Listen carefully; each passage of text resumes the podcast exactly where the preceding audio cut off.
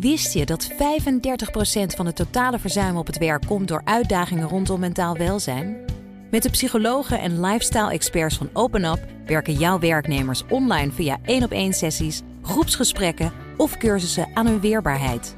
Zo zijn jouw teams beter bestand tegen de uitdagingen van het dagelijks leven, thuis en op het werk.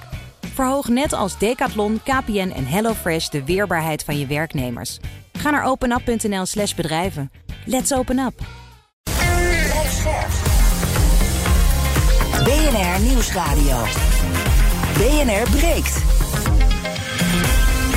Kees Dorrestein. Goed dat je erbij bent. Wij discussiëren weer over het nieuws met opkomende opiniemakers en deskundigen. Vanaf half twaalf praat ik over het eh, nieuws van de dag. Want Elon Musk heeft Twitter natuurlijk gekocht. Maar ja, wat zijn nou echt zijn plannen? En wat vindt het panel daarvan? Gaan ze, gaat hij Twitter groot maken of is dit het begin van het einde? In mijn panel vandaag Carline van Breugel, Public Affairs adviseur. Welkom weer. Goedemorgen, Kees. En een nieuw panellid, Jan-Paul van der Kerken, econoom... bij het economisch bureau van ABN AMRO. Welkom ook.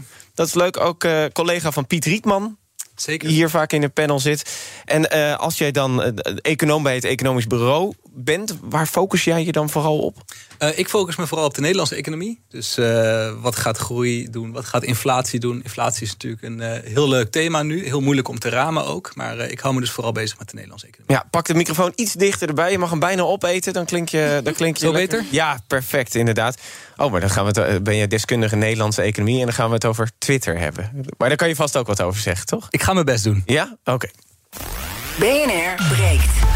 Breekijzer. Vanaf 2035 mogen autofabrikanten geen auto's meer leveren die CO2 uitstoten. Ergo alleen maar elektrische en waterstofauto's. Dus de Europese Commissie, het Europees Parlement en de lidstaten... hebben hier een deal over gesloten vannacht.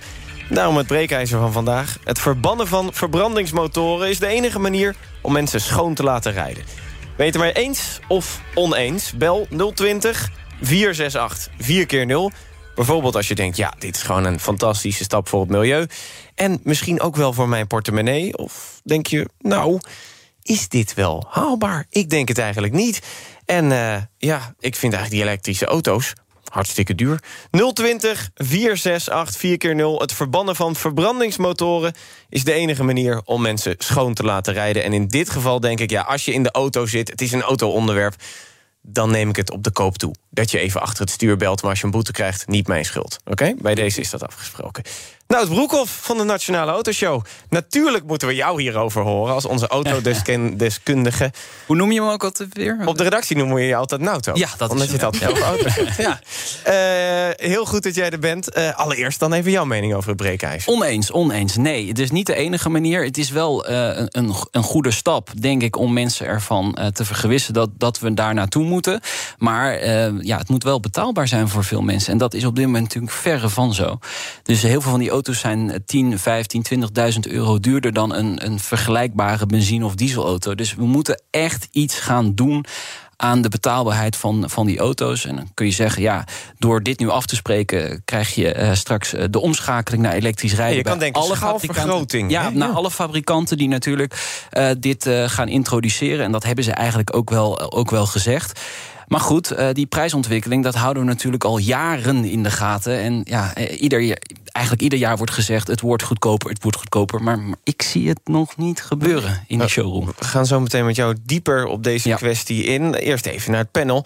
Carline, het uh, breekijzer van vandaag. Het verbannen van verbrandingsmotoren is de enige manier om mensen schoon te laten rijden. Nou, dat lijkt me niet. Uh, ik bedoel, de trein uh, is nog steeds, ik denk, een beter alternatief dan een elektrische auto. Het is natuurlijk uiteindelijk ook welke keuzes je maakt, hè, wat je goedkoop maakt. Als je als land heel veel investeert in snelwegen, dan is dat dus een goedkope manier nu om je te verplaatsen. Al dan niet met een benzine-verbrandingsmotor. maar wat ik zou zeggen is, investeer nou in dat OV.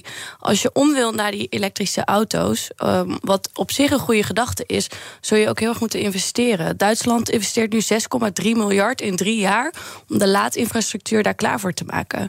Is nogal een investering. Dus ik denk dat je kunt afvragen: um, moet het nou echt op auto's gericht zijn, of zou het ook uh, meer gericht kunnen zijn op het OV? Je wil een beetje Japanse constructies met van die supersnel elektrische zweeftreinen en dat soort dingen in plaats van snelwegen. Ja, je laat het echt heel innovatief klinken, maar zo innovatief is het nou ook weer niet. En een land als Nederland zou het OV toch beter moeten zijn dan de boemeltreintjes waarmee we nu elke dag naar Den Haag moeten. Jan-Paul, eens of oneens? Uh, ik ben het eigenlijk wel uh, eens met de stelling. Um, het werd wel even aangegeven. Uh, als jij, um, ik, ik, ben een econoom, dus ik kijk naar vraag en aanbod. Als je zorgt, als je verplicht stelt dat er alleen nog maar elektrische auto's ge ge geproduceerd kunnen worden, dan vergroot je eigenlijk de vraag voor die elektrische auto's, omdat je simpelweg het aanbod van andere auto's daarmee stopt. En dat maakt ook dat er dat producenten eigenlijk zeker zijn van dat ze die auto's kunnen afzetten. Dus dan heb je, creëer je een markt voor die mensen en dan kun je, kunnen ze gaan investeren, kunnen ze de auto's uiteindelijk goedkoper maken. Dus ik denk dat het heel goed is dat de, dat de uh, Europese overheid een soort bodem legt in die markt. Uh, en daarmee kun je verder. Uh, daarmee kunnen producenten doen waar ze goed in zijn. En dat is innoveren en, en goede producten maken voor onze consumenten. Nou, dan hoorden we nou net zeggen. Nou ja, we zien de afgelopen jaren eigenlijk niet per se een prijsdaling. Hoe kijk je daar dan als econoom naar wat betreft van de, de, de markt groeit, dus de prijs moet dalen? Nou, ik denk dat Nauto veel beter weet uh, hoe het... Uh, Mooi dat de naam een beetje begint te klappen. Ja, ja, heel goed. Hoe de prijsvorming van auto's tot stand komt. Uh, het enige wat ik kan, kan zeggen is... als je dus zorgt dat die koek eigenlijk groter wordt... van, van de mensen die een elektrische auto willen... en dat, doe je, dat, dat, daar neem je denk ik een goede stap in met deze maatregel... Dan, dan, dan zorg je eigenlijk dat bedrijven daarop in kunnen spelen... en zeker zijn van hun afzet... en dan ook alle investeringen kunnen doen... om die auto's uiteindelijk goedkoper te kunnen aanbieden. Dus uh, ik ben het wel eens met de stelling. En als je het dan hebt over die laadinfrastructuur. Hè? Want momenteel zijn we daar eigenlijk helemaal, we hebben helemaal niet de capaciteit om iedereen elektrisch te laten rijden. Hoe zien jullie dat dan voor je? Ja, dat is eh, misschien een beetje flauw, maar het is eigenlijk precies hetzelfde verhaal. Als je uh, nu als uh, um, bedrijf bent en je wil laadinfrastructuur aanleggen, dan doe je dat nu voor een deel van het autobestand. Maar als je weet dat over een paar jaar een veel grotere aanbod van elektrische auto's is, dan, dan wegen die investeringen die je misschien moet doen voor die laadinfrastructuur leveren ook een, een stuk meer op. maar ik ben het natuurlijk wel met je eens dat er wegvervoer is niet het enige vervoer. Ja. Je moet ook kijken naar treinen en zo. Ja, want daar zit wel echt een uitdaging, denk ik als je kijkt, de overheid moet echt enorm gaan bijleggen om die laadinfrastructuur op peil te krijgen om hierin te voorzien. En, en dat zijn echt hele grote bedragen. Um, in, in, Nederland zijn we al vrij ver hè, met de laadinfrastructuur. Ja. Wij lopen in Europa echt uh, ver voorop met, uh, met laadinfrastructuur. Maar ik ben wel eens, kijk, de capaciteit op het net, dat wordt een probleem. Dus we moeten uh, energie gaan opwekken. windenergie, zonne-energie. Maar dan nog, om alles elektrisch te laten rijden in, in een land, wordt dat gewoon heel erg lastig. Dus... Maar dat is toch wel echt een taak van de overheid op dit moment. Zeker. Want ik hoor bedrijven, maar ja, als je laadpalen uh, wil, wil aanleggen, dan, dan moet dat in samenwerking met de overheid. Zeker, de energievoorziening, dat, dat is echt iets waar de overheid mee aan de slag uh, zal moeten. Er moeten dikkere kabels uh, moeten de grond in. En we moeten ook op, op zee en, en via de zon moeten we energie gaan opwekken om alles op, op, op, op stroom te laten rijden in de toekomst. Zeker. Ja. Ik ga even een rondje bellers doen. 020 468 4 keer 0 eens of oneens. Het verbannen van verbrandingsmotoren is de enige manier om mensen schoon te laten rijden. Cecile, goedemorgen. Uh, goedemorgen. Eens of oneens? Ik ben het hartstikke oneens. Want ik denk dat uh, de mensen die nu zitten te praten niet beseffen dat 90% van de Nederlanders absoluut niet een elektrische auto kan betalen. Ten eerste, en dat gaat over tien jaar ook niet anders zijn, dat weet ik wel zeker. Daarbij, als je alle OV elektrisch wil maken, dan kan het elektriciteitsnet toch nooit aan. Dat kost honderden miljarden. En uh, het is nu al overbelast. Dat hoor ik steeds. Elektriciteitsnet is overbelast. En wat willen jullie met die vervuilende batterijen... die binnen tien jaar op zijn... waar kobalt en lithium en weet ik wat allemaal voor rotzooi in zit... Eh, ik begrijp dit niet. En ik zou graag willen dat het OV elektrisch werd... en dat iedereen uh, schoon rijdt en weet ik het allemaal. Maar ik ben bang dat het niet gaat lukken. Ja, veel OV is elektrisch wel, hè? Treinen rijden op elektriciteit. Uh, dat dat nog even duidelijk is. Dankjewel, Cecile, voor jouw reactie. Nog even naar Bart. Bart, jij bent het eens. Waarom? Ja, het is natuurlijk fantastisch nieuws voor de, de Europese auto-industrie. Want die snakt naar duidelijkheid. En de duidelijkheid er is, kan de Europese auto-industrie uh, de elektrische auto verder ontwikkelen. En afscheid nemen van de fossiele auto. Dus het is fantastisch nieuws. Bart, um, ik, ik hoor niet zoveel ruis op de achtergrond. Rij jij al elektrisch? Ja, klopt. Ja, ik zit nu in een elektrische auto. Ja, maar, ja. maar daar hoorden we net uh, Cecile en die zegt... Uh, ja, het is helemaal niet te betalen, joh. Ik bedoel, dan, dan ben jij een wat meer vermogende man... als je in een elektrische auto rijdt. Het is een leaseauto en uh, de lease is natuurlijk stukken goedkoper. En bovendien is natuurlijk rijden, elektrisch rijden een stuk goedkoper dan, benzine rijden. Maar het allerbelangrijkste is natuurlijk, eh, we moeten wel, hè? anders gaat het milieu naar de knoppen. Bart, dankjewel voor jouw reactie. Nog even naar eh, meneer Huigens. Goeiedag. Goedemorgen. Eens of oneens? Ik ben het er hartelijk mee eens. En als het Europees wordt geregeld, wie is dan Nederland dat er toch tegenin zouden gaan? En heeft er niemand in de gaten dat het milieu het echt, dat het echt niet zo door kan gaan? Hè? En ik, eh, als je in de auto zit, je, zit op, je rijdt op cruise, moet je kijken hoeveel, je bij, hoeveel mensen je voorbij scheuren. Heeft er niemand meer in de gaten dat het verkeer naar de knoppen gaat? Dus dat er een beetje druk is. Alleen de overheid, als de prijs meer dan zeg maar 10.000 eh, dan verbrandingsmotoren, dan moeten ze even bijspringen. Oké, daar eh, dus op eh, dat de overheid moet bijspringen wat u betreft, wat betreft eh, eh, Ja, en de eh, hoeveelheid als, als elektrische het elektrisch auto's. verplicht wordt, dan blijven dan verbrandingsmotoren over natuurlijk tweedehands. Maar we moeten een daad stellen. En als we dat niet doen, dan blijven we hem aanmodderen. En dat kan gewoon niet, hè? Lijkt me duidelijk, eh, dank je voor eh, jouw reactie. BNR breekt. Kees Dorrestein. Nog steeds Nout Broekhoff van de Nationale Autoshow in de uitzending... en ook in het panel Carline van Breugel en Jan-Paul van der Kerken. Nout, heel eventjes naar jou, ehm, want uiteindelijk deze afspraken. Wat betekent dit nou voor de autorijder? Ja, voor de autorijder, dat betekent dat je vanaf 2035 geen eh, auto meer op benzine en diesel kunt kopen. Zo is het gewoon. En, Ja, maar eh, tweedehands wel, toch? ja, kijk, de tweedehandsmarkt, die kun je niet stilleggen natuurlijk. Maar goed, eh, eh, waarschijnlijk gaat er veel veranderen in nu en, en, en 12, 13 jaar tijd. Want ja, waar moet je dan straks je benzine en diesel gaan tanken? Hè, hoe lang blijft dat dan nog? Dus ja, daar moet natuurlijk wel over, over nagedacht worden. Een auto gaat meestal nou, 15 tot 18 jaar mee. Ehm, dus, dus ja, ook na 2035 zal er nog behoefte zijn en veel aan eh, benzine en diesel. Dus dat moeten we uiteindelijk nog gaan afbouwen. Dus het is alleen maar een verbod op 2035 nu. eh, en, en ja, daarna zal er toch nog eh, op benzine en diesel gereden moeten worden. Als we kijken naar de huidige verdeling. Hoeveel is elektrisch in Nederland? Nou, ik heb het even uitgezocht. Begin september reden er 300.000 volledig elektrische auto's rond in, Ja. in Nederland. En we hebben een wagenpark van ruim 8 miljoen. Ja. Dus het is echt nog een druppel op een gloeiende plaat. Eh, ongeveer 3, 3,5 procent. ja. En eh, hoeveel van dat wagenpark is dan weer tweedehands? Ja, dat is lastig eh, te zeggen. Die, cijfers heb ik niet. Je kunt wel zeggen dat grofweg het meeste, het grootste gedeelte van die 300.000 auto's is, is zakelijk, eh, wordt zakelijk gereden. Dus eh, via de lease, hè, de bijtelling. We hebben jarenlang korting op de bijtelling gegeven in Nederland op, op elektrische auto. Dus daardoor was het interessant om een elektrische auto aan te schaffen. Alleen je ziet nu dat het kabinet heeft ervoor gekozen om dat af te bouwen de komende jaren. Dus ja, dat wordt ook minder aantrekkelijk voor zakelijke rijders om elektrisch te gaan rijden. Eh, particuliere eh, aanbod neemt, neemt wel toe. Eh, er zijn ook meer particulieren die zo'n auto rijden. Dat heeft te maken met een aankoopsubsidie die, eh, die we hebben. Geldt die nog eigenlijk? Nou, ehm, het potje voor dit jaar is, is op. maar vanaf 1 januari is er weer een nieuw potje. En dat gaat volgens mij 10 januari open. Oh, dus dan, is dat eh, 11 januari leeg. Ja, nou, het gaat vrij, vrij snel. eh, Een paar weken en dan is het eh, meestal wel, eh, wel- op. Ja. Maar dat is zowel voor nieuwe auto's als voor tweedehands auto's. Ja, maar eh, kijk, daar zit hem de crux in. Want ik weet het ook nog toen ik mijn eerste auto kocht. Eigenlijk mijn huidige auto eh, is ook een tweedehands auto.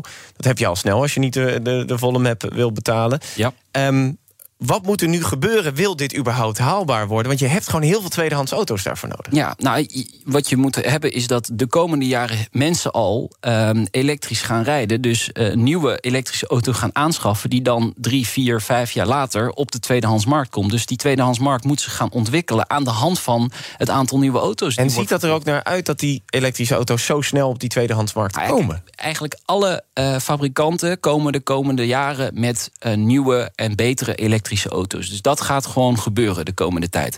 Alleen, ja, eh, betaalbaarheid, dat is toch eh, het stokpaardje vandaag. Eh, het moet betaalbaar zijn, ook voor op de tweedehandsmarkt. Maar Betaal je ja. nog meer voor een elektrische auto? Maar kijk, nu, nu weet ik, ik, ehm, eh, ik was bij de jubileumuitzending van de Nationale Autoshow. Leuk dat je er was. Ja, zeker. even, even onderling. Jeetje, wat een eh, onderling gelul, hè, dit. Ehm, maar ehm, eh, daar sprak ik ook met, eh, volgens mij, eh, de CEO van, eh, van Just Lease. En, eh, en wat andere leasebedrijven daar. En die zeiden, nou, ja, eh, eh, misschien op het moment eh, dat, dat wij een leaseauto eh, terugkrijgen... Nou, eh, drie, vier, vijf jaar... dan kan het ook zo zijn dat wij eh, het weer als een soort van tweedehands lease gaan aanbieden. Dus dat het helemaal niet op die tweedehands markt gaat komen. Daar hebben ze ook al... Ja, een- occasion een- lease bedoel je dan? Occasion Ja, lease, ja. ja. Ja, dus, ehm, maar, en ja, heel veel tweedehands auto's komen toch echt van de leasemarkt. Dus, Ja. dus eh, gaat dit wel lukken? Ja, nou, het wordt heel erg lastig. Dat wordt echt eh, zeker de komende eh, tien jaar nog lastig om mensen eh, tweedehands in een, in een, in een, in een ele- elektrische auto te krijgen. Kijk, de auto's die nu op de markt worden, hebben alweer een betere accutechnologie de- dan auto's die de afgelopen jaren op de markt zijn gekomen. Dus die actieradius die groeit nog steeds, de, hoe ver je op zo'n auto kunt rijden. Dus ehm, ja, dat wordt gewoon een hele lastige case voor de komende tijd. Ja, ik ehm, pak nog even een beller erbij. En eh, we willen ook even de gevolgen voor het milieu... want het wordt ook vaak genoemd, nog even bespreken.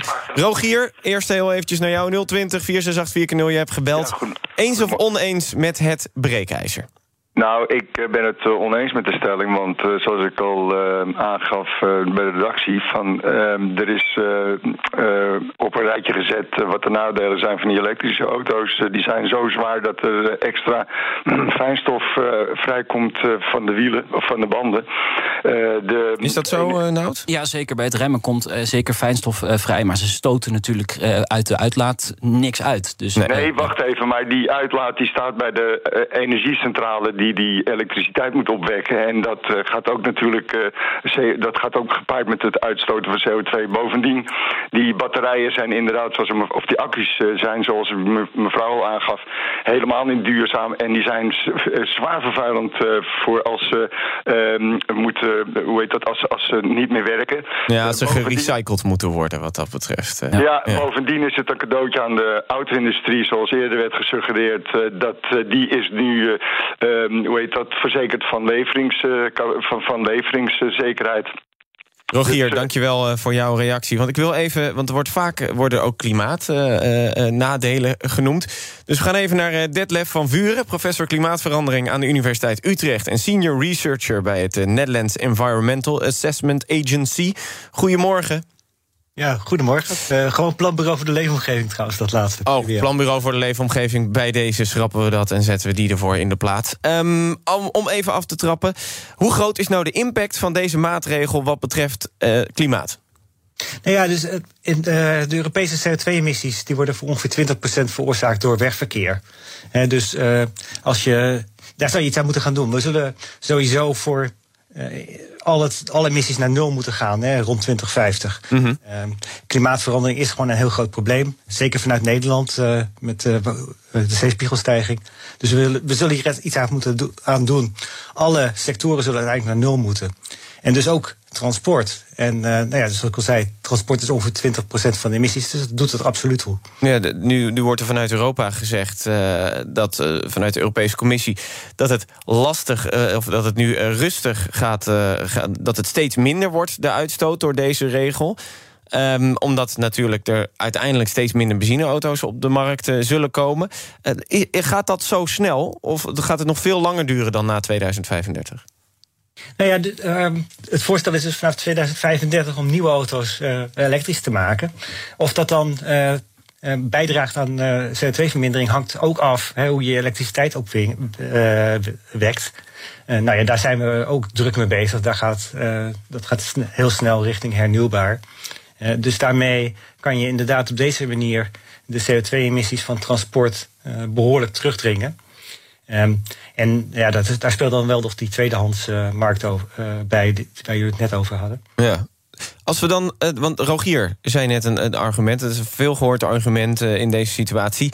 De stroom voor al deze auto's moet natuurlijk ook opgewekt worden. Dus als we het echt groen willen houden, dan moet dat ook groen zijn. In hoeverre is dat dan haalbaar, dat die stroom op dat moment groen is?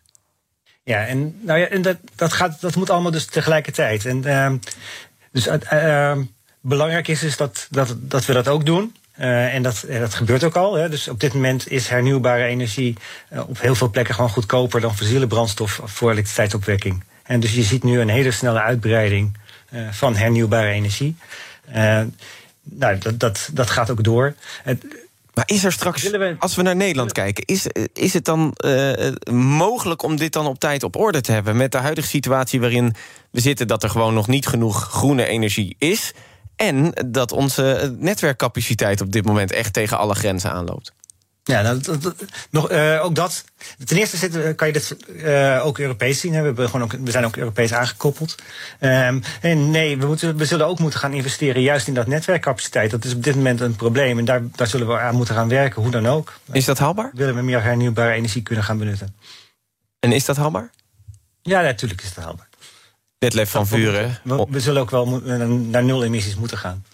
Uh, professor klimaatverandering aan de Universiteit Utrecht, Detlef van Vuren. Dank voor deze update. Nog heel even naar jou, uh, Nout. Um, ja. Want de christendemocraten in Europa die zeiden ja, dit, die waren tegen. En dan, dan, dan kom je vaak met uh, hele stevige argumenten. Die zeggen eh, Europa wordt een soort van Cuba. Met uh, allemaal van die oude auto's. Uh, want het is dan niet te betalen, die elektrische auto's. Dus we, we houden straks nou. na 2035 alleen maar oude tweedehands benzineauto's over. Ja, dat, dat, is eigenlijk ook een klein beetje wat ik, waar ik voor waarschuwde zojuist. Dat, dat die tweedehandsmarkt, dat, dat wordt echt heel lastig maar om dat op gang te krijgen. te erg doemdenken? Nee. Als je niet meer kan tanken, ga je toch automatisch elektrisch rijden? Ja, maar nogmaals, je moet het kunnen betalen. Een deel van de bevolking zal het niet kunnen betalen. Dus of je moet met subsidies komen, dus mensen er geld voor geven om toch maar weer over te stappen. Nou, dat zijn we juist in Nederland aan het afbouwen. Uh, ja, of je moet het zo interessant maken vanuit uh, de fabrikanten gezien dat, dat je wel moet. Maar ja, ik, ja dus de, de, kosten gaan omlaag hè, om te rijden. Uh, benzine, diesel is, is op dit moment uh, ook sky high. Dus ja, dan. Maar goed, de stroomprijzen zijn ook opgelopen. Dus sommige mensen twijfelen nu al aan of het elektrisch rijden nogal goedkoper is dan in een benzine- of dieselauto rijden. Ja, ja, dus het kan toch uiteindelijk ook wel zo zijn dat als dat weer herstelt dat de benzineprijs, ja, die zien we eigenlijk uh, op de lange termijn alleen maar stijgen. Ja. De elektriciteitsprijs gaat misschien naar beneden. Dus dat er op één punt bij 2035 benzine misschien zo duur is... Dat, dat je denkt, nou, het is nu wel echt heel lucratief om over te stappen. Ja, dat zou kunnen. Dat benzine uh, gewoon 3,50 per liter kost. Ja, dan ga je wel... Ga je dan ook overstappen? Nou, ik heb jouw auto gezien. Ja. Je mag eigenlijk wel weer een keer gaan overstappen. Ja, wie weet. ik laat het nog even in het midden. Jij? Ik, uh, ik heb op dit moment uh, het geld niet uh, voor, voor een dure elektrische. Maar ik zou het wel willen eigenlijk, als, ik, als ik het uiteindelijk zou hebben. Dank, nou, Broekhoff ja. van de Nationale Autoshow... voor uh, dat je er het hele half uur uh, bij was. Zometeen gaan we met het panel doorpraten over elektrische auto's gesproken. Nou, dan ga je al heel snel naar Elon Musk. Maar in dit geval, wat betreft zijn overname van Twitter... daar zo meer over. Wist je dat 35% van het totale verzuim op het werk komt door uitdagingen rondom mentaal welzijn? Met de psychologen en lifestyle-experts van OpenUp werken jouw werknemers online via één op één sessies, groepsgesprekken of cursussen aan hun weerbaarheid. Zo zijn jouw teams beter bestand tegen de uitdagingen van het dagelijks leven, thuis en op het werk.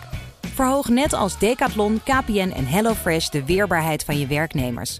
Ga naar openup.nl/slash bedrijven. Let's open up! Daden zijn duurzamer dan woorden. Bij PwC geloven we dat de uitdagingen van de toekomst vragen om een ander perspectief. Door deze uitdagingen van alle kanten te bekijken, komen we samen tot duurzame oplossingen. Zo zetten we duurzaamheidsambities om in acties die ertoe doen. Ga naar pwc.nl. BNR Nieuwsradio.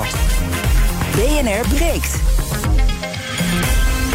Kees Dorrestein. Goed dat je erbij bent. Wij discussiëren verder over het nieuws met Carline van Breugel in het panel. Public Affairs adviseur nog steeds hier. En uh, Jan-Paul van der Kerken voor de eerste keer hier econoom bij het economisch bureau van ABN AMRO. We gaan het zo meteen hebben over Elon Musk, maar het is iets over half twaalf, dus tijd voor het Mediaweekoverzicht. En de week begon met een nieuwe Britse premier, Rishi Sunak. En dus nam de kortzittende Britse premier ooit, Liz Truss, afscheid. I want to thank you, my family and friends... and all the team at Number 10 for their love, friendship and support. Our country continues to battle through a storm... But I believe in Britain. Nou, ze somde ook nog haar hoogtepunten op, dus je begrijpt, het was een korte speech. Sunak praise, uh, uh, Truss, praise op zijn Engels uh, in zijn speech... maar gaf dan toch ook nog een kleine sneer. Some mistakes were made. Not born of ill will or bad intentions. Quite the opposite, in fact. but mistakes nonetheless. Sunak moet zijn economische plannen nog presenteren... maar hij houdt in ieder geval de nieuwe minister van Financiën, Jeremy Hunt, aan... die al de plannen van Truss in de prullenbak deponeerde. Naar Oekraïne, want het land lijkt de strijd om de strategische stad Gerson... nu toch echt te gaan voeren. En de Russen die hebben zich ingegraven. Defensiespecialist Patrick Bolder. Aan beide kanten, hoe het ook loopt, het zal verschrikkelijk bloedig worden. Want het wordt straks gewoon een gevecht in de stad. Van straat tot straat, van plein tot plein en van huis tot huis. Ja, en deze week ontdekten we ook dat supermarktmanager Harry Piekema... al in 2009 voorspellende gaven had. Wel lekker blijven plakken, hè? Ja, want... Heb je ook nog... Wat ga je zien? Oh. Kijk uit.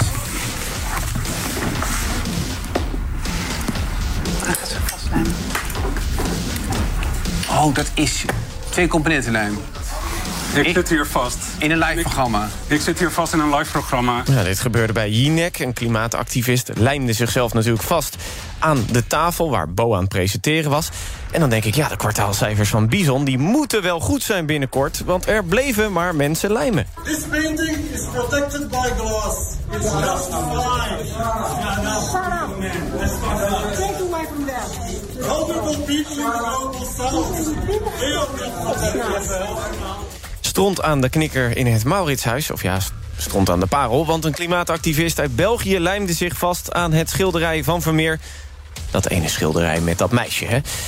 Maar ja, het grootste nieuws van deze week heeft natuurlijk te maken met het aloude mantra... It's the economy, stupid. Want de ING zei deze week dat we toch al in een milde recessie zitten. Dit is echt een koopkrachtrecessie. En wat dat betreft dus heel anders dan de coronarecessie.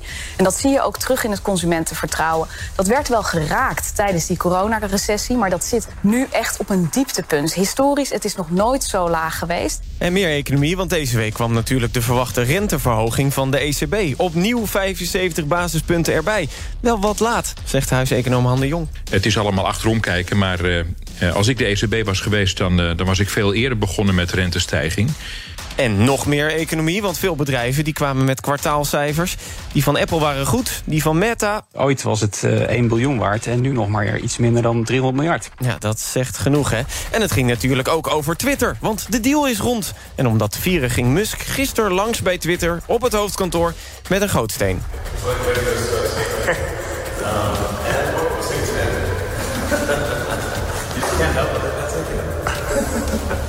Ja, je hoort het slecht, maar en dat alleen maar om de grap te maken. Let that sink in. De topman van Twitter, uh, de topmannen van Twitter vandaag lachen niet, want die zijn direct de laan uitgestuurd en nu maar hopen dat Musk ook iets aan die audio-kwaliteit in de hal van Twitter zelf doet. Nou, tot zover dit weekoverzicht. Ja, en ik weet het, het, het, het was kort, maar toch... I want to thank you, my family and friends. Maar ja, ik ga nog niet weg, hè, want... Ik zit hier vast in een live programma. Ja, precies. Dus nog veel nieuws te bespreken met de panel. En dus... Wel lekker blijven plakken, hè? Zullen we over Musk gaan praten? Dat is toch het nieuws van de dag hè, op dit moment. Ik dacht dat het was over uh, he froze everything with the kitchen sink added. Dat dat de grap was. He froze everything ja, with the Zeg maar van, we gaan het allemaal anders doen. We gaan het al, Musk, maar nou, dus let that sink in. Nou, precies. Laten we even naar CNBC luisteren over he throws everything in the kitchen sink. According to unnamed sources, the deal is done and the current CEO and CFO of the social media giant have left the building and will not be returning. The Washington Post reported that the two executives were fired, along with two others, including the head of legal policy, trust and safety. Nou, ik hoorde inderdaad vanochtend ook al van onze tech-redacteur Connor Klerks dat er al vijf topmannen de laan uit zijn gestuurd. Jij als econoom, Jan-Paul, is dat nou een slimme beslissing als je een bedrijf overneemt? Nou, het, het, dat weet ik niet, maar het toont in ieder geval aan dat hij het allemaal anders wil gaan doen. Dus uh, gisteren was uh, Twitter misschien een ander bedrijf dan dat het nu is. Um, ja, ik, ik moet wel zeggen dat ik me wel afvraag wat de beweegredenen van de heer Musk precies zijn. ik zie ook wat, wat berichten langskomen dat de, de mensen die Twitter het meeste gebruiken, dat er wat, ja, niet echt een exodus is, maar dat wel bezoekersaantallen op de site tenminste wat afnemen. Dus het, zal, het is meer dan, denk ik, een, een economische reden om meer winst te maken. Dus ik denk ook wel dat die tot op zekere hoogte ideologisch gedreven is om een soort vrijplaats voor meningen te willen uh, ontwerpen.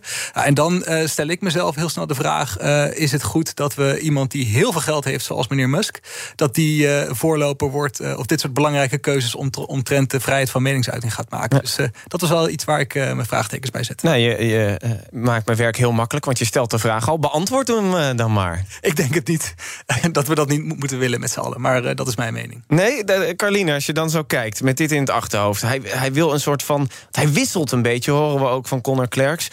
van, van mening. Gisteren hoorden we ook weer, de zeiden ja, ik wil het vooral doen voor, voor de maatschappij. Ik wil een dorpsplein, maar er werd dan niet over gesproken... dat iedereen alles maar weer zou mogen zeggen. Wat zou nou goed zijn voor Twitter als Musk dat doet?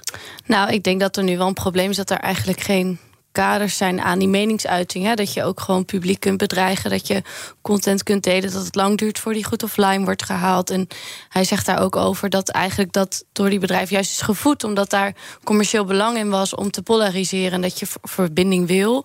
Nou ja, ik, ik vind het mooi dat hij dat zegt. Natuurlijk kijken wat hij gaat doen. Maar de mensen die er nu zaten, deden het in ieder geval niet. Wat ik wel zorgelijk vind, en dat zeg jij natuurlijk ook, Jan-Paul. Dat um, het een probleem is dat mensen met zoveel geld bepalen uh, welke maatschappelijke onderwerpen aandacht krijgen. En dat zie je dan ook met goede doelen of met, uh, nou wat is het, raketten naar de maan. Mensen met geld hebben de macht om innovatie, maar ook maatschappelijke uh, problemen maar te sturen. Kunnen die dat echt? Want uiteindelijk hebben we de afgelopen tijd gezien, goed en slecht, dat alle onderwerpen die er echt toe doen. Um, ook bijvoorbeeld complotonderwerpen, complottheorieën, toch wel heel veel podium hebben gekregen daar. Dat hebben we tijdens corona gezien bijvoorbeeld. Je bedoelt op Twitter? Of ja. Op de, ja, nee, zeker. Ik denk dat het op dit moment helemaal niet goed gaat op de sociale media. Ik vind dit zelf ook als vrouw die uh, politiek betrokken is... en uh, politieke ambities heeft, echt afschuwelijk op uh, Twitter. Krijg je jij veel shit over jezelf? Ja, heel veel. En, wat, wat dan zoal? Nou, vooral als je uitspreekt over... dus ik werd best wel vaak in zakelijke setting schatje genoemd... of kna knap hè, en ook nog slim en dan niet eens mijn naam of zo. En als je daar iets over zegt op Twitter... dan krijg je echt... nou, ik zou er geen trucje op kunnen kunnen en wat een snol. Of, Toch even die, die trollen. Ja, ja, ja, ja. je krijgt echt die hele achterban uh, op je. Nou, Jan-Paul, als ik dan uh, zo kijk... Uh, wat betreft het economische, Musk die zegt... ik wil dit het meest betrouwbare advertentieplatform ter wereld maken. Nou ja, als we dan dit soort verhalen horen... dan is hij er nog zeker niet. maar wat, wat moet hij doen, wil hij dat ervan maken? Nou, ik, ik, denk dat um, een, een ander onderwerp. Wat ik denk is dat je aan, uh, aan mensen die misschien advertentieruimte willen kopen op Twitter, dan moet je in ieder geval duidelijk maken dat er geen gekke dingen gaan gebeuren. Dus ik denk dat het beleid wat, Musk, hij spreekt allerlei dingen uit wat hij wil gaan doen, dat het heel belangrijk wordt, maar ook heel moeilijk is om dat allemaal maar um, uh, waar te maken. Hè? Dus als jij een vrijplaats voor meningen wil creëren. Maar dat, je, um, niet, dat niet alles gezegd mag worden. Ja, het is nogal wat om al die 200 miljoen uh, gebruikers van Twitter dagelijks... om die te monitoren en om alle gekke dingen... ook alle dingen die Carline zojuist opnoemde... Uh, om, die, uh, om die uit te bannen. dus dat wordt een flinke opdracht. dus die betrouwbaarheid, ja, dat, dat wordt nog wel lastig voor dit ja, Dus Carline, trollen eraf. Dat wordt ja. vaak gezegd. Dus geen anonieme accounts meer. En Donald Trump, zou die terug mogen keren of niet? Ja, dat moet je niet aan mij vragen. Maar ik denk wel dat er grenzen kunnen zijn aan, uh, moeten zijn aan die vrijheid van meningsuiting. En wat de bedreiging van anderen ook is. Maar hij zegt ook wel dat hij uh, naar een soort 1x-platform wil, zoals WeChat, waarin alles samenkomt. Dus je kan je ook afvragen of er straks nog wel een Twitter is. Ja, op zich, uh, als we naar andere, het gebruik in Nederland kijken, andere social media zijn er al lang voorbij. Hè?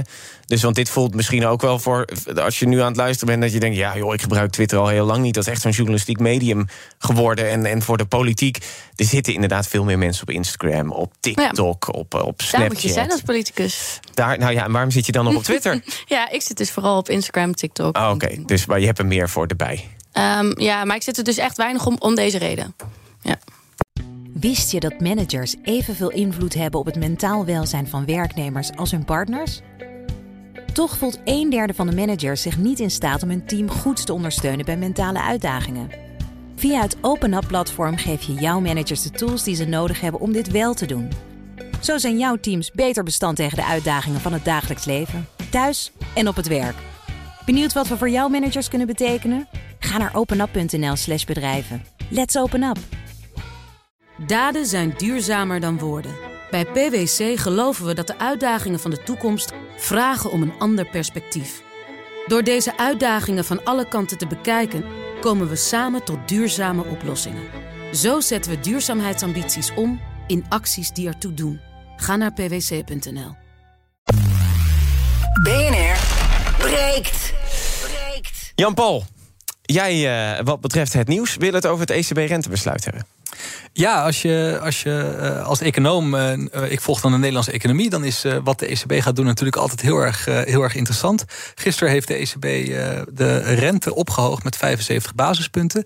Nou, op zich was dat aan zich niet zo heel erg interessant. Omdat het eigenlijk, hè, als je. eh, ik heb twee collega's eh, bij mij in de buurt zitten op kantoor. En die volgen de ECB heel nauwgezet. En die gaven eigenlijk tegen mij aan dat. Ja, die 75 basispunten die was eigenlijk al ingebakken in de markten. Dus dat was eigenlijk volledig geanticipeerd. Maar wat eigenlijk leuker wordt, of eh, vanuit mijn perspectief, maar wat vooral interessant wordt, laat ik het vooral daarbij houden, is dat ehm, eh, de inflatie natuurlijk erg hoog is, ongeveer 10% in september. Ehm, eh, maar we zien tegelijkertijd ook, hè, het werd al even aangehaald in het nieuwsoverzicht, dat die economie flink aan het afkoelen is. Ja. Dus eh gisteren was misschien eh, volledig verwacht. Maar wat de ECB de komende tijd, vooral in, het december, eh, in de decembermeeting gaat doen, dat wordt denk ik heel erg interessant. Omdat ze enerzijds die hoge inflatie hebben. En anderzijds hebben ze afkoelende economie. En Ja. dat is een moeilijke puzzel te leggen voor de heren in Frankfurt. Ja, maar ondertussen is de verwachting... in ieder geval, ik heb onze huiseconoom Han de Jonge ook over gesproken... dat er in ieder geval nog wel één renteverhoging gaat komen, toch? Zeker, alleen dus die, dat, dat er een renteverhoging komt, dat is, dat is denk ik duidelijk. Maar hoe hoog wordt die? En volgt er daarna, na die renteverhoging in december, als die er komt, eh, nog een renteverhoging? Dat zijn de vragen waar, eh, die belangrijk zijn. En, eh, Want ja, ja, kijk, als we al een recessie hebben... hebben we die renteverhogingen dan wel nodig? Dat is een beetje de vraag, toch? Dat is de vraag. Ja. Kijk, als je, als je een, een recessie betekent simpelweg dat er een, ja, een emmertje koud water over de economie is uitgestrooid. Nou, dat, wil, dat beoogt de, de ECB ook. Hè. Ze willen de e- economie wat afremmen om ook die inflatie een beetje onder controle te houden. Ehm, dus dat, dat, dat gebeurt al. Maar het, ja, het, het zit hem in de nuance. Hoeveel gaat die renteverhoging zijn en hoeveel komen er nog aan? En wat jou betreft, als je ze zou mogen adviseren... ik denk dat ze vast naar BNR luisteren. Economische zender natuurlijk. Misschien eh, luistert eh, mevrouw Lagarde op vrijdagochtend altijd even beter. Ja, dat, dat, dat vind ik moeilijk om daar iets over te zeggen. Ehm, eh, het enige wat ik kan zeggen is dat de inflatie heel erg hoog is. Dus dat het in ieder geval belangrijk is dat ze iets doen. Ehm, maar die nuances, dat, dat laat ik graag Maar als, je, ja, maar als je dan kijkt naar de Nederlandse economie... daar ben jij gespecialiseerd ook in. De inflatie in Nederland is echt absurd hoog. Zeker. En, en, Allianz Trade berekende gisteren nog... dat wij van alle 44 landen de hardste faillissementsgolf gaan krijgen. Eh, 58% meer dan, eh, dan dit jaar. Dus ehm, zou het eigenlijk voor daar- ons niet goed zijn... dat er nog meerdere renteverhogingen komen? Ja, dus, dus over dat faillissement, dat is wel goed om, om dat ook ergens een beetje in perspectief te plaatsen. Faillissementen zijn eh, nog ongeveer 50% van het normaal. Als je 2019 even als een soort normaal pre-corona standaard neemt, zijn faillissementen echt heel laag. Dus eigenlijk de enige richting waar faillissementen op kunnen is omhoog. En eh, als, als, als die stijging zich inzet, betekent het niet dat we in één keer enorm veel faillissementen meer hebben. Het is meer dat we richting normale niveaus gaan. Maar het klopt wat je zegt. hè, De Nederlandse economie is, eh, zit sterk tegen zijn capaciteitsgrenzen aan. We hebben hele sterke groei gehad aan het begin van dit jaar. eh, met ook hele hoge inflatie. Maar die capaciteitsgrenzen die uiten zich ook elders. Hè. Kijk bijvoorbeeld naar de arbeidsmarkt. We hebben een Mhm. ontzettend krappe arbeidsmarkt. Nou zien we ook daar hè, de eerste tekenen van, van een frisse wind door de arbeidsmarkt. Hè. Werkloosheid is iets opgelopen, maar nog steeds heel krap in historisch perspectief. Dus we kunnen zeker ehm, eh, nog wel een rentehoging, ver- eh, eh, renteverhoging Gebruiken. gebruiken. Ja. Alleen het is de vraag eh, hoeveel en eh, hoe hoog. Opletten dus in december. En daarna, Carline, jij wilt over een plan in Amsterdam hebben. Ja, zeker. Ik wil het graag hebben over het eh, isolatieoffensief. in Amsterdam eh, zetten ze alle eh, zeilen bij om 24.000 huishoudens te helpen in hun verduurzaming van hun woning. In armere wijken dan, ja, het gaat om armere wijken waar mensen een hoger gemiddeld energieverbruik hebben. Daar worden isolatiecoaches langs de deur gestuurd die dus bij je aankomen bellen en zeggen: Goh, mevrouw, hebt u anderhalf uur, twee uur de tijd of mag ik een keer terugkomen om met uw woning door te lopen om te kijken of we iets kunnen doen? Gaat dan om douchekoppen die waterbesparend zijn. En dat eh, betaalt de gemeente dan? Ja, dat Ja. is dus kosteloos voor die mensen. En eh, nou, kieren worden gedicht. En op die manier zet de stad zich heel erg in eh, om nu al iets te doen. Dat is best wel opmerkelijk, omdat voor 2028 woningcorporaties die woningen verhuren met een energielepel van E, F of G al verplicht zijn om die voor die tijd te updaten. Dus je ziet dat, er, dat eigenlijk nu de eh, gemeente zich al inzet om echt dus die burger te beschermen. Want eh, op ja, innovatievlak, op eh, energievlak gaat er in 2028 al heel erg veel gebeuren. Zouden veel gemeentes dit moeten gaan doen? Ja, ik vind het echt heel inspirerend. Natuurlijk even kijken hoe het loopt. Eerder hebben ze al met, zijn ze langs de deur gegaan met ledlampen en zo. en die douchekoppen, maar hebben ze ze niet voor de mensen geïnstalleerd. Wat ervoor zorgde dat de besparing soms uitbleef omdat ze dat zelf niet konden. Mhm. Dat is waarom ze dus nu echt eh, die monteurs inzetten. Is natuurlijk een krapte aan monteurs.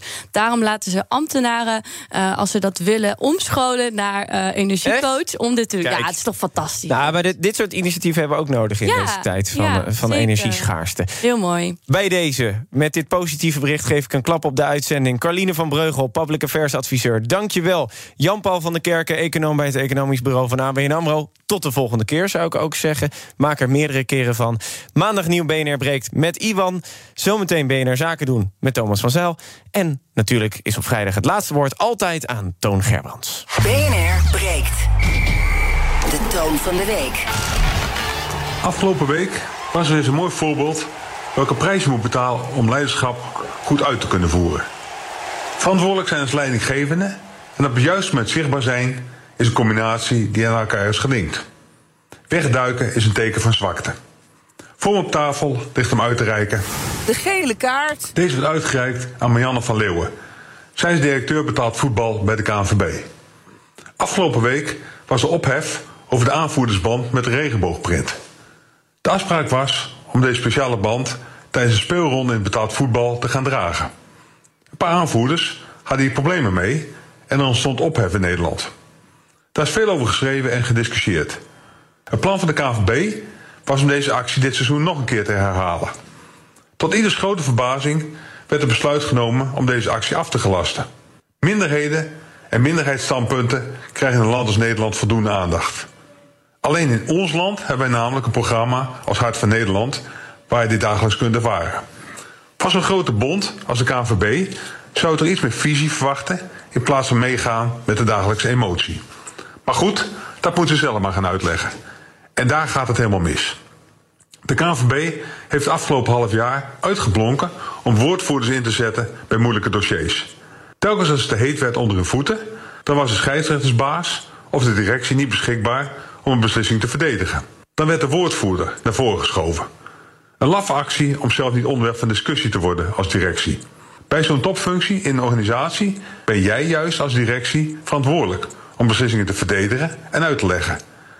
Juist dan moet je zichtbaar zijn en op de zeepkist gaan staan. Marianne van Leeuwen als eindverantwoordelijke en misschien wel de hele KNVB heeft dit dus nog niet begrepen. En hierdoor is het punt bereikt dat er maar één conclusie te trekken is. Neem zelf verantwoordelijkheid, sta de media te woord bij grote issues en stop met de inzet van al die woordvoerders. Gerard Sandring heeft een succesvol zakenimperium opgebouwd.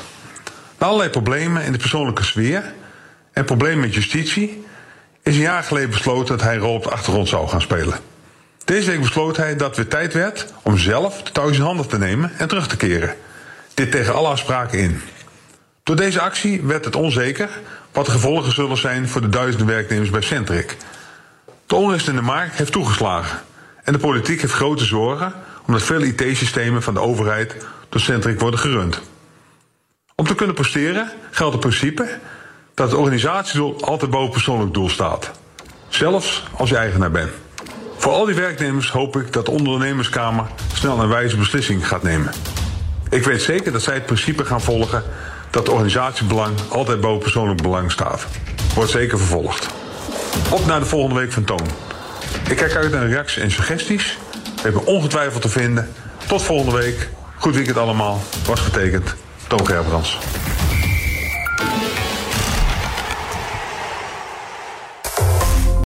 Wist je dat managers evenveel invloed hebben op het mentaal welzijn van werknemers als hun partners? Toch voelt een derde van de managers zich niet in staat om hun team goed te ondersteunen bij mentale uitdagingen. Via het OpenUp-platform geef je jouw managers de tools die ze nodig hebben om dit wel te doen. Zo zijn jouw teams beter bestand tegen de uitdagingen van het dagelijks leven, thuis en op het werk. Benieuwd wat we voor jouw managers kunnen betekenen? Ga naar openup.nl/slash bedrijven. Let's open up!